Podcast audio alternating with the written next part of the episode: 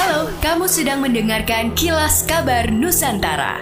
Podcast persembahan KG Radio Network menyajikan berita harian yang mengangkat keunikan dari berbagai wilayah Indonesia. Kilas Kabar Nusantara dapat juga didukung oleh pengiklan loh. Hari gini masih ketipu investasi bodong, masih susah atur keuangan, investasi, klaim asuransi, dan update isu finansial? Dengerin podcast cuan, cari untung bareng teman. Persembahan media by KG Media dan Motion FM di Spotify.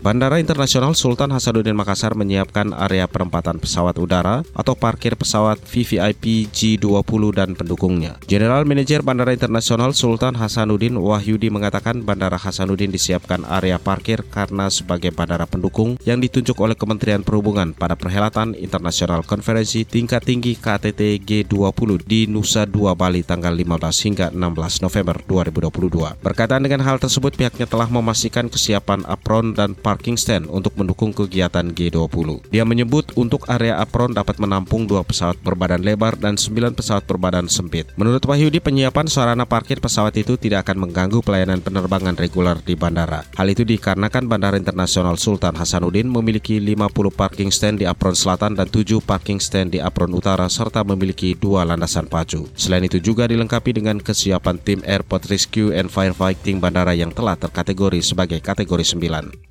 Badan Pusat Statistik Sulawesi Utara merilis data ketenaga kerjaan di Sulawesi Utara. Dari data itu diketahui, jumlah pengangguran di Sulut pada Agustus 2022 mengalami penurunan dibandingkan dengan bulan Agustus 2021. Menurut Norma Ola Regar, fungsional ahli media BPS Sulut menerangkan, di bulan Agustus 2022, penduduk usia kerja di daerah ini mengalami penambahan, di mana yang masuk dalam kategori angkatan kerja mencapai 1,24 juta orang dan pengangguran mengalami penurunan 3,42 ribu orang, dengan posisi di bulan Agustus mencapai 82,12 ribu orang.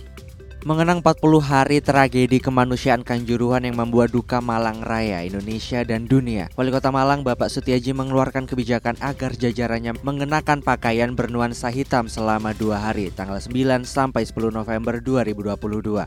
Seluruh ASN dan non-ASN di lingkungan Pemkot Malang mengenakan pakaian nuansa hitam di berbagai kegiatan yang dilaksanakan Wali Kota Malang Bapak Sutiaji. Dan di Pemkot Malang juga dilaksanakan doa serta mengheningkan cipta bersama untuk korban tragedi Kanjuruhan. Wali Kota Malang Bapak Sutiaji mengenakan kemeja berwarna hitam untuk menghadiri seluruh agenda kegiatan sejak pagi hingga sore kemarin. Dijelaskan oleh beliau imbauan dan ajakan tersebut dalam rangka terus membangun spirit simpati dan empati sekaligus refleksi doa tiada henti kepada saudara-saudara, kerabat dan anak-anak yang menjadi korban peristiwa 1 Oktober kelam itu.